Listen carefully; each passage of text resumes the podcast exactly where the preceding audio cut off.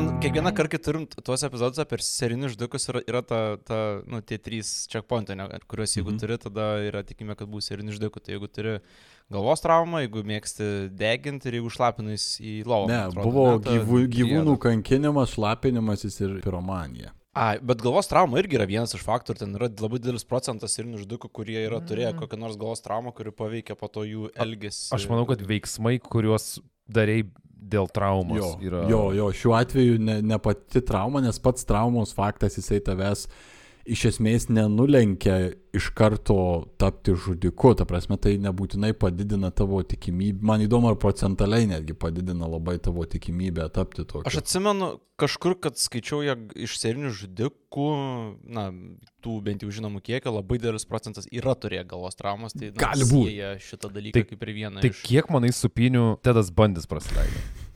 Nežinau, nežinau, tikrai nežinau, kiek, kiek prasidėjo, gal vienos užteko. Aš matai, čia, čia yra viena iš tokių prieigų kalbėti apie tai, nes dėl tos pačios McDonald's triados iki šiol yra ginčiamas ir yra daug nuomonių, ypač šiandien, mhm. kad jinai nėra tiksli nupasakoti kažkieno tapimą. Tai faktas, faktas, kad tapimą žudiku, tai čia galima pasižiūrėti įvairiai, bet e, aš kiek atsimenu, tai buvo būtent gyvūnų kankinimas, kuris įėjo į, į, į, į tą triadą, bent jau originaliąją mhm. jos formą. Vėl galiu būti klystantis. Tik tai man geriau, nes kiekvieną kartą išgirdau, na ką norėjau sakyti, kad vis baisu, nes esu vaikystėje turėjęs tokių atvejų, nukritau nuo supinių, pavyzdžiui, tai taip. žinai. Ir tiesiog ne, nekantriai laukiu, straikins 40 koks nors ir, o, oh, kaip staiga užsimaniau, ką nors nužudyti, žinai. Taip, taip. Kad ne, kad... Aš tą ir norėjau sakyti, kad, kad skamba labai ciniškai, nu, bet kam nenutinka. Mane, pavyzdžiui, nutrenkė, kai mažas buvau, elektra, tai aš geriau pasirenku galvoti, kad aš įgausiu kada nors super galių kokiu nors, o ne tapsiu maniaku. jo, bet koks įdomiai tada ta elektra veikia, kad po 20 metų gauni tas super galius. No, bet tai žinai, delayed reaction dalykai iškyla. Aš esu savo numetęs ant galvos akmenį. tai tyčia? ne, ne tyčia, bet žinai, blogai apskaičiavau e, katapultos kampą paleidimo. Čia rimtas bairis. ir, nu ir gavau į galvą ir pakolkas nesišlapinau, bet e, žinai, monitorinų matrasą. Mažai žinomas faktas, kad Tomas gyvas nuo 15 amžiaus iš tikrųjų yra, kad katapultas buvo pagrindinis instrumentas. Buvo, jo. buvo. Only the 15th century kids remember. Aš galvoju, jeigu mūsų visų keturių nereikėtų laikyti vienoje patalpoje ilgą laiko tarpą, nes gali kažkokių negerų minčių kilžinai. Vienas biškitą užmes, kitas biškitą, žiūrėk ir bendra kolektyvinė asmenybė jau. Tai ar sakai, kad per, mis, per mūsų visus keturis vienas pečiuškinas gaunasi? Jo, čia laisvai. Nes aš, pažiūrėjau, labai mėgdavau deginti, ta prasme, taip jau pavo, pavojingai stipriai mėgdavau. O ne, o man liks tik į lovą šlapintis. Vaskins, vaskins. Kaip žinia, žudikas Aleksandras Pičiuškinas buvo kilęs iš Zuzino rajono, arba greičiau bazavosi jame. Ir tas Zuzino rajonas yra vienas iš dvylikos tokių administracinių vienetų priskiriamų Maskvos miestui. Lyginant su bendru Maskvos metropolio gyventojų skaičiumi siekiančiu net apie 20 milijonų gyventojų, Zuzino labai kažkuo neišsiskiria. Net yra mažokas. Nes pagal 2010 m. duomenis ten gyveno vos virš 120 tūkstančių gyventojų. Okay. Pečiuškinas lieka savotiška šios vietovės garsenybė. Kaip ir žmonės, taip ir rajonai turbūt žaidžia su tomis kortomis, kurias gauna. Tačiau tiesa tai galima laikyti turbūt tik iš dalies, nes galima teikti, kad pačiame savo veiklos įkarštyje 2002 metais Aleksandras Pečiuškinas turėjo ir tokių įdomesnių kaimynų, kurie savo laiku gavo netgi daugiau dėmesio nei jis pats ir galbūt net potencialiai kėlė jam pavojų. Arba tiksliau kalbame apie tolimą Ziuzino rajono kaimynę, kuri žiniasklaidoje buvo praminta Ziuzino manijakė. Ziuzinskaja manijačka. Atsiprašau, bet skamba, skamba tai jokingai. Zizinskaja manijačka. jo, jo, jo. Frekembok pusės. Turi man, manijakinį poreikį cukrinį vatai. kur tave labiausiai išgazina dantim savo ištrupėjusiais. Mm -hmm. Ir cukriniu balsu. Turiu parūkyti. Turiu vatos. Duok vatos. Duok, vatos. Duok, vatos. Atiduodi vatą. Jo, ir čia moteris. To rajono. Laikmetį atitinkant. Tai kaiminystė faina. Jo, įdomi versija, bet uh, tai iš tikrųjų, ką norėjau pasakyti, tai tai reiškia, kad uh, Zuzino rajone buvo kaip minimum ne vienas, o du kaimynai iš pragaro visai likusiai gyvenvietės populacijai. Mažiausiam rajone, tai gal ir su viso rajonu kažkas tada negerai. Gal, gal koks e, švenas vandenį ar... ar... Žinai, jo, šiferiniai stogai, grinai, asbestas visur vaikšto. Gal ten irgi nuotykis koks buvo? Taip, Maskvoje kokių tik nuotykių nebuvo. Kol kas savo podcast'e išsameu nekalbėjome apie žudančias moteris Ir tą temą tikrai paliesime ateityje. O tuo tarpu šis idėjų kompostas jau pradeda šiek tiek atverti duris į tą sritį, nes kalbame apie tame pačiame rajone kaip ir Pičiuškinas gyvenusią Mariją Petrovą kuri nors ir dažniau tituluojama kaip šėlo žudikė, taip pat patenka į pervertų besidominčių serijinėmis žmogžudystėmis akiratį. Tik aš prisimint noriu šėlo arba šėlsmo žudikį. Taip, čia tas uh, tipas, kai spree killer čia yra, taip? Jo. Kai yra daug ir greitai. Jo, jo, jo. Va tokia nuotaika buvo, bet tik tai kartą. Jo, ne, mm, mm-hmm. net specifinė. ne taip mėnulis pasisuko. Jo, jo, čia kur galioja, aš daugiau taip nedarysiu. ir netaro.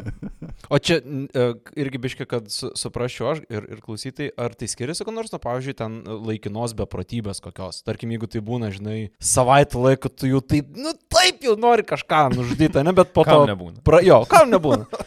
Vieni išeina ten gerti, kiti žudyti. O ar, ar tai, na, prasme, ar yra kažkokia distinkcija tarp, tarp šitų dalykų? Gal, gal žinot, kas nors? Aš ne, kiek esu skaitęs ir domėjęsis, tai čia, na, klausimas ties kuo tu nori daryti distinkciją, nes šiuo atveju po šėlo žudiko ta kepurė gali patekti ir žmogus, kurį apėmė, kaip tu sakai, laikinoji beprotybė, kuri mm -hmm. na, mhm. vienu ar kitu momentu jį blekautino ir jis taiga praėjo nužudydamas visą eilę žmonių žmonių. Mm. Tai... O, kaip čia taip susiklosti aplinkybės.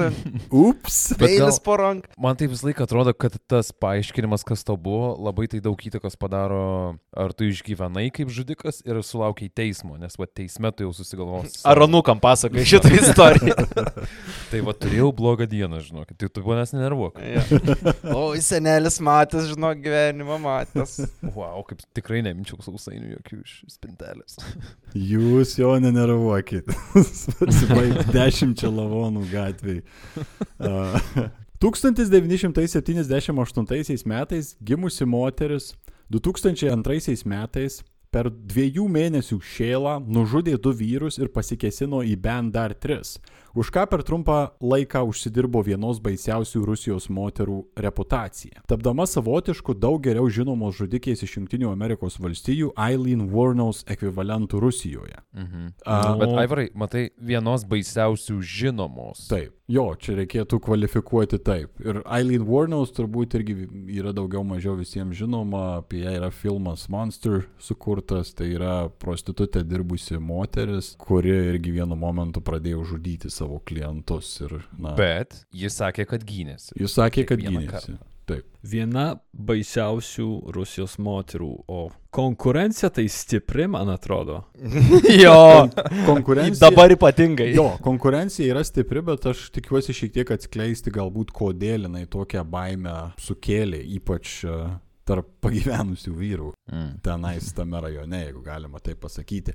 Plus yra, taip, yra tų žudikių, kurios išaiškėjo, kurios buvo baisesnės ir kurios turėjo daugiau kūnų, kaip sakant, savo sąskaitoje, bet jos, na, išryškėjo arba vėliau, arba nepasižymėjo na, tokia prieiga, kurią pasižymėjo Marija Petrova. Turbūt dėl Eileen Warnos primenančio nenuspėjamumo, o ne kūnų skaičiaus, Marija Petrova tokią baimę, ypač iš vyrų pusės, pelnyta ir užsitarnavo. Marijos Petrovos istorija iš pirmo žvilgsnio nėra kažko labai ypatinga. Atrodo, augo kaip ir daugelis mergaičių ir merginų savo laiku, buvo gana uždara, socializuotis nelinkusi asmenybė, mokėsi, studijavo, labai mėgo sportą, ypač plaukimą, baigusi mokslus pradėjo dirbti viename iš Maskvos technikumų kūno kultūros dėstytoja. Pati aktyvi sportininkė mokslininkė, kolegų buvo matoma kaip sąžininga ir sunkiai dirbanti specialistė, linkusi imtis ir papildomų užklasinių veiklų, kaip pavyzdžiui sunkumų kilnojimo sekcijos steigimo ir vedimo savo darbovietėje. Tačiau po visų ramių fasadų dėjosi kiek tamsesni dalykai. Visų pirma, Marija Petrova buvo registruota psichoneurologinėme dispanseryje, nes turėjo šiokių tokių psichologinių iššūkių, su kuriais grūmėsi gyvenime nuo pat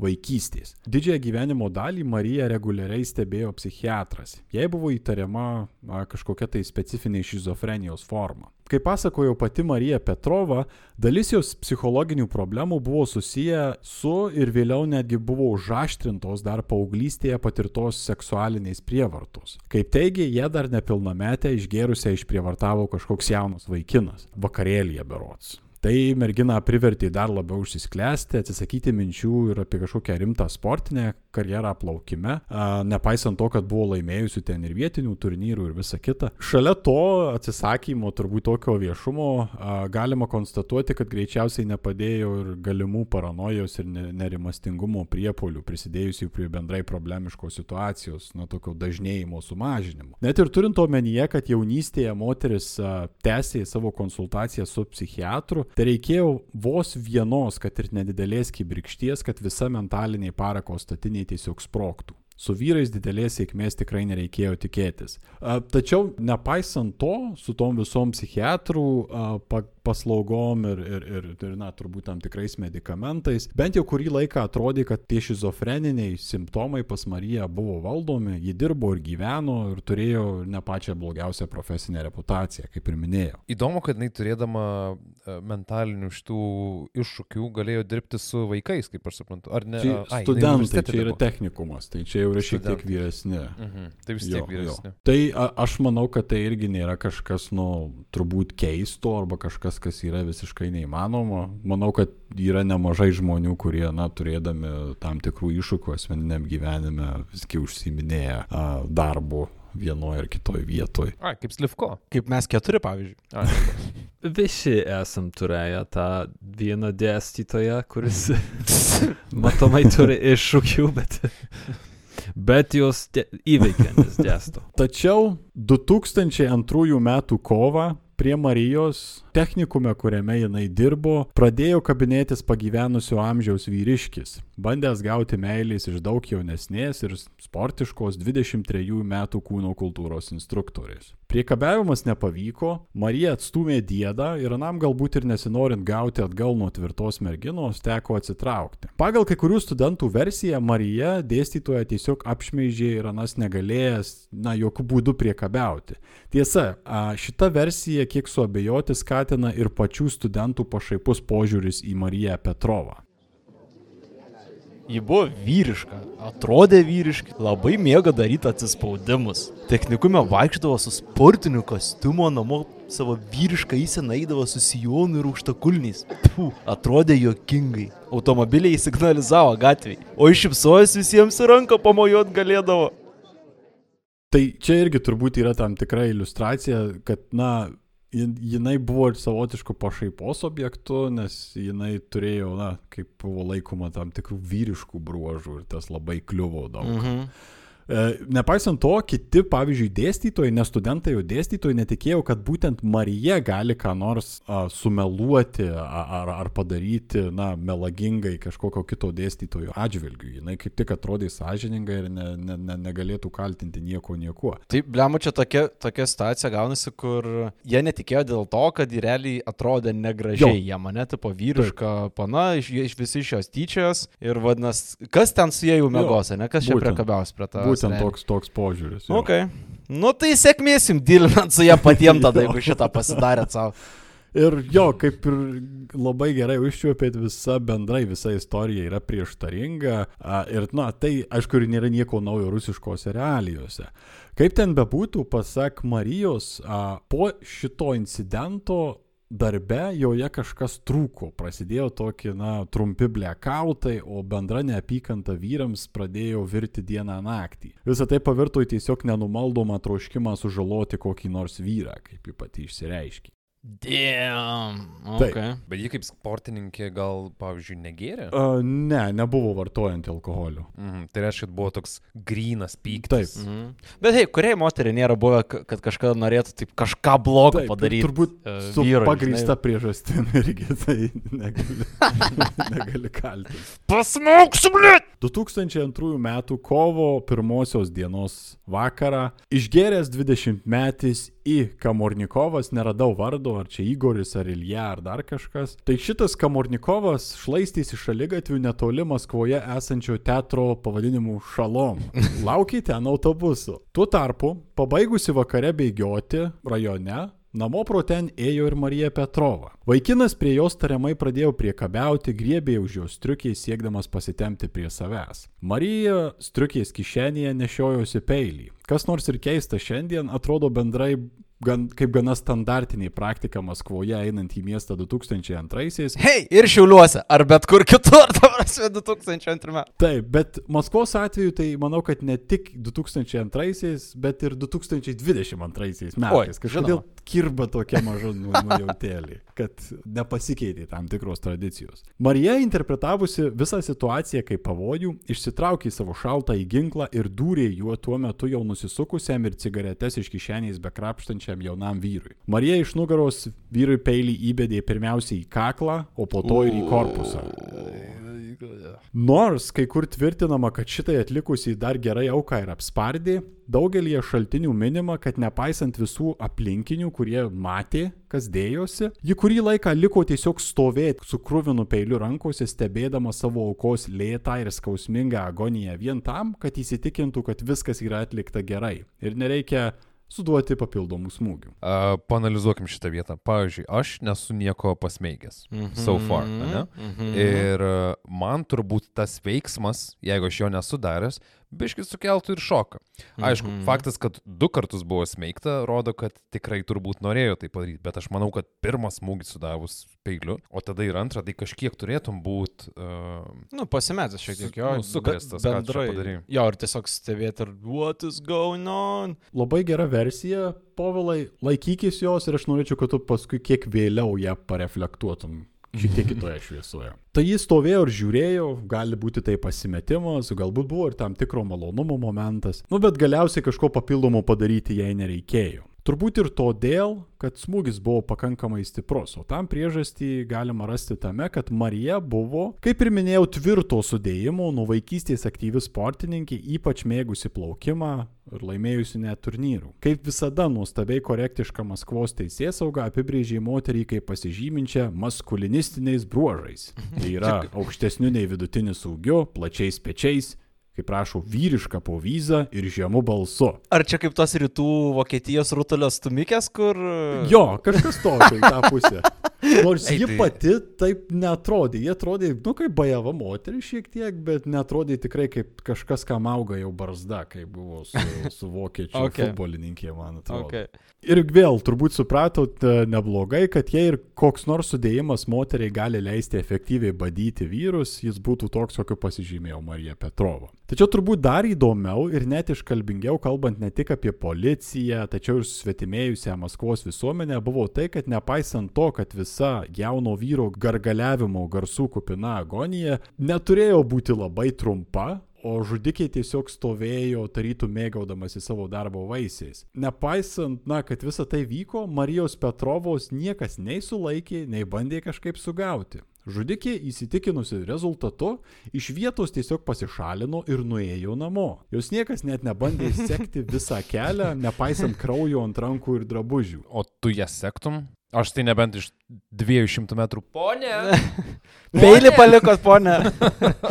Fair enough. Fair enough. Draugą palikot. Nueina dar spektaklį, pažiūri gretimam tam teatre, nes niekas, žinai, vis tiek ne, ne, nesiskubina. Fair enough. Rusijoje turbūt ne, nesekčiau ir nebandyčiau kažkaip tai, nežinau, padėti, kad nenužudytų dar daugiau žmonių. Kaip vėliau paaiškėjo, žudikę žmonės matė, tik e, nelabai kreipė dėmesio į kažkokią tai aukštą moterį su sportinės triuke. Netoliese gėrusi jaunų vaikinų grupė, ant laiptų tiesiog sėdėjo ir gėrė, sakė, jog apskritai pagalvojo, kad Kamornikovas apsibarė su savo moterim tiesiog nupuolė girtas ir tiek. Matyt, kraujas ir mirties šniokštimas nedavė jokių reikšmingų ženklų. Na, nu, žinai, įdomu, kiek ten trokšmo buvo realiai. Ir jeigu tu esi toliau, tai, nu, kažkas ten daužė su kumščiu ir, ir tiek. Tas peilis tai nepasrembo, įsivaizduoju, tai veikiau kažkas tokio skust bulvėm. Arba tai tiesiog dar vieną dieną Maskvoje. Jo, jo, ta prasme, čia oh. trečias kritęs per tą laiką, kol sėdėjo ant laiptinės, jie begerdavo. Tai... Abejingumas davė rezultatų, tik tiesa ne, ne tam, kam reikėjo, o Marijai. Visų pirma, Ji po savo pirmojo nužudymo toliau tesdama darbus technikume ramiai apturėjo dar vieną konfliktą su vyresniu fizkultūros dėstytoju, kuris taip pat norėjo meilės. Po kivirčio, kaip ji teigė, Man norėjosi sukelt nemalonumų, sužalot ką nors vyresnį už mane. Ok, damn. Kaip tarė, taip ir padarė. To paties kovo mėnesio 27 dieną Marija Petrova su peiliu išėjo į gatvę jau su tikslu rasti auką. Švilpojo jau tokia, ta, ta, ta, ta, ta žinai. ant, ant, ant raktų pakabuką peilį. Bet ar jis buvo vyresnis už ją? Čia labai įdomu, kad jinai pastebi, kad noriu vyresnį kažką. Šiuo atveju abu du kartus technikume prie jos kibo pusamžiai arba jau pagyvenę vyrai ir jai tas labai kažkaip užkliuvo. Mm, ai, tai jeigu jaunesnis būtų buvęs, tai jau gal būtų dar susidomėjus. Mažesnį peilį būtų pasiėmus. jo, bet būtų padūrus vis tiek. Tai, žinai, išėjus tą kovo 27, galiausiai vienoje gatvėje prisliūkino iš savo namų išeinančiam 60-mečiui pensininkui Nikolajui Žabinui iš nugaros ir tiesiog perėžė jam gerklę. Blet. Vėl tas pats scenarijus su krūvinu peiliu rankose ir stebėjimu, kada senjoras nusibaigs o po to ramus pasišalinimas. Tai vėl klausimas yra apie tą, ar tikrai jau yra sutrikimas, kai, na, tu išeini ir jau antrą savo auką turi, gražiai jam gerklę perpjauni ir tiesiog pasižiūrai, kad jisai nubaigtų savo dienas. Nu, okei, okay, maždaug čia aš nustosiu bandyti ją pateisinti. Ties antra žmogžudystė, gerai. Jo. Maždaug. Kaip ir su likusia scenarijaus dalimi, vėl nelabai kas sureagavo, fotorobotas buvo taip pat neįtin kelintis pasitikėjimą. Buvo nupieštas kažkoks tai, nežinau, uh, robo androidas su plaukimo kepuraitė. Kažkas tokio, galiu taip apibūdinti. Ar bent moterį, nors ar moteris fotorobotas buvo, ar vyras fotorobotas? Nu, ten gali užduoti klausimą. Labiau turbūt turi tokių uh, moteriškų bruožų, bet tai irgi labai priklauso nuo to, kaip tu pats savo galvoje vizualiai tu esi apibrėžęs nupiešė tokį Dwayną Johnsoną. jo, va, va, va. Nu, nebūna įdomu, tokių moterų, ne, ne. įdomu, ant kiek žiūrovam ar liudininkam pasirodė, kad čia buvo vyras. Įdomus aspektas iš tikrųjų, nes jinai, kaip ir minėjau, jinai tą turėjo vyrišką tokią povyzą, kaip ji buvo laikoma vyrišką eiseną, jinai tais bent žmogždystės metu jinai nedėvėjo tikrai kažkokio tai mineko su, su aukštakulniais.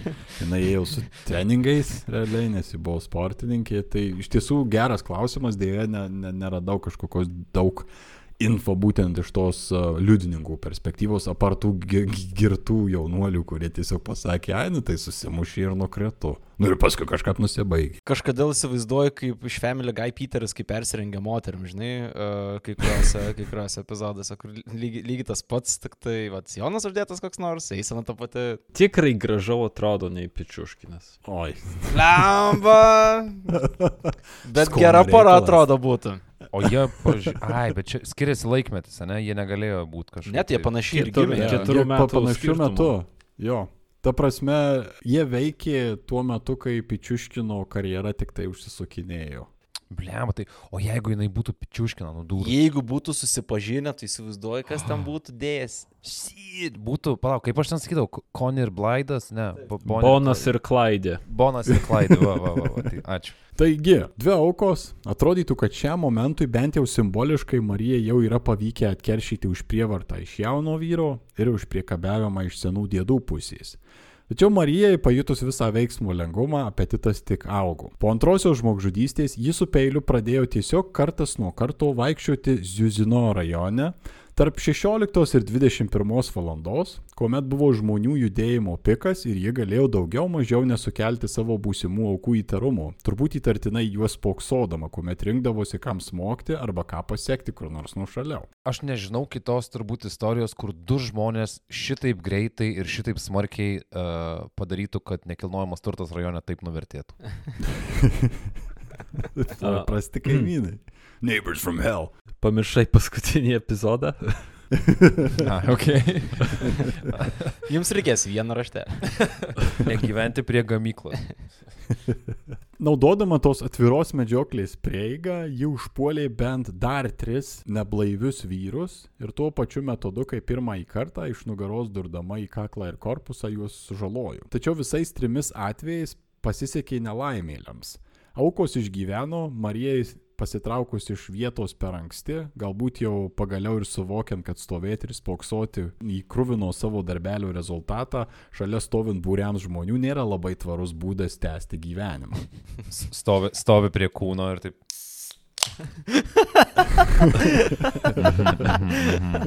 tu gargaliuok, gargaliuok viskas.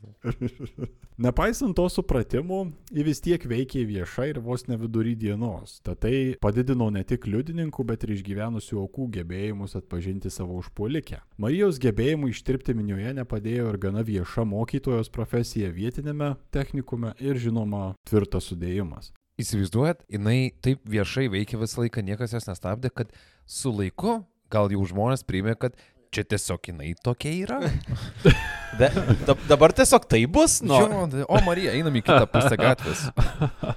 tai čia turim tokią rajonę, tai nu, jūs biškai pasižiūrėkit, kad jinai nevaikščiotų iš paskos ir viskas. Net suk nugaras tik. Nu. Bet žinok, požiūrį, visi... iki panoramos tik tai po to tik tai ten. Uh... Šiaip, mėla moteris, žinok, patars, kur bėgiot geriau, kur, kur nebėgiot geriau, žiūrint, kiek tau metų, ką valgyt, tik tu jos nenervuok. Jei rodantis taip viešumoje ir, na, darant bent jau sužalojimus po tų dviejų pirmų aukų, a, Maskvos policija tuo metu vis dar milicija pagaliau rado šiek tiek neišvokto kūro ir 2002 metais balandžio 23 dieną prisistatė į žudikės namus ir juose ją suėmė. O kiek jau, kiek praėjo laiko nuo pirmos, pavyzdžiui, pjaut rungtynių. Pirma buvo kovo pirmą dieną, čia buvo balandžio 23, tai praktiškai du mėnesiai. Tai čia okay. akimirksnis milicijai. ja. Greito reagavimo būrys, matyt, buvo paimtas. Wait a minute. Atvažiavo, jau, jaučiu komisariatas kitoj pusėje gatvės buvo, bet. jo, jo. Marija Petrova apklausose buvo rami ir netruko visko prisipažinti ir noriai papasakojo, ką ir kaip darė nusikaltimų vietose. Jai grėsė bausmė už nužudymą, tačiau Galiausiai po psichiatrinės ekspertizės ji buvo pripažinta nepakaltinama ir išsiųsta priverstinio gydymo į psichiatrinę ligoninę, kurie nuo gydė vėl nuo šizofrenijos. Gaila, kad mm. tuo pat metu niekas rimčiau nepasižiūrėjo, pavyzdžiui, į psichologinės traumas, kurias atneša seksualinis priekabiavimas. Na, bet turbūt iš šalies, kurioje smurtas artimoje aplinkoje šiandien yra vos neeksplicitiškai teisiškai galimas veiksmas, nieko kito ir negalima tikėtis. Sklido gandai, kad 2013 metais moteris turėjo būti paleista iš gydymo įstaigos, tačiau gandų patikrinti nepavyko. Čia tarytum ir baigėsi Marijos Petrovos istorija, tačiau jie iki šiol yra laikoma vienu unikalesnių atvejų įtin turtingoje Rusijos serijinių maniakų istorijoje. Pagrindinė to priežastis yra ta, kad bent jau pagal Rusijos psichiatrus ji buvo be ne pirmoji tuo metu žinoma moteris veikusi pagal tai, ką galima pavadinti vyrišką serijinių arba šėlo žudikų prieigą. Iki tol moterys, tarp kurių pasitaikė ir tokių kurios turi daug didesnį aukų skaičių, dažniausiai imdavosi žmonių, su kuriais turėdavo kokį nors ryšį klientų, taip pat pažįstamų, giminaičių, kartais net savo pačių vaikų. Petrova buvo ta, kuri tiesiog išeidavo su peiliu į gatvę ir medžiodavo nepažįstamus, visais atvejais pirmą kartą matomus vyrus. Ir tai darė įtin fizišku, jėgos reikalaujančiu būdu, o ne kaip tuo metu, va, dėl bendro seksizmo ir turbūt informacijos tokos, buvo suprantami moterų žudikių prieigos būdai per subtilesnės pasalas, nuodijimus ar tiesiog šaunamosius ginklus. Šią prasme Marija Petrova papuolė po vyriškais apibrėžiamų žudikų kategoriją, kad ir kokia tuščia ta skirtis atrodo šiandien.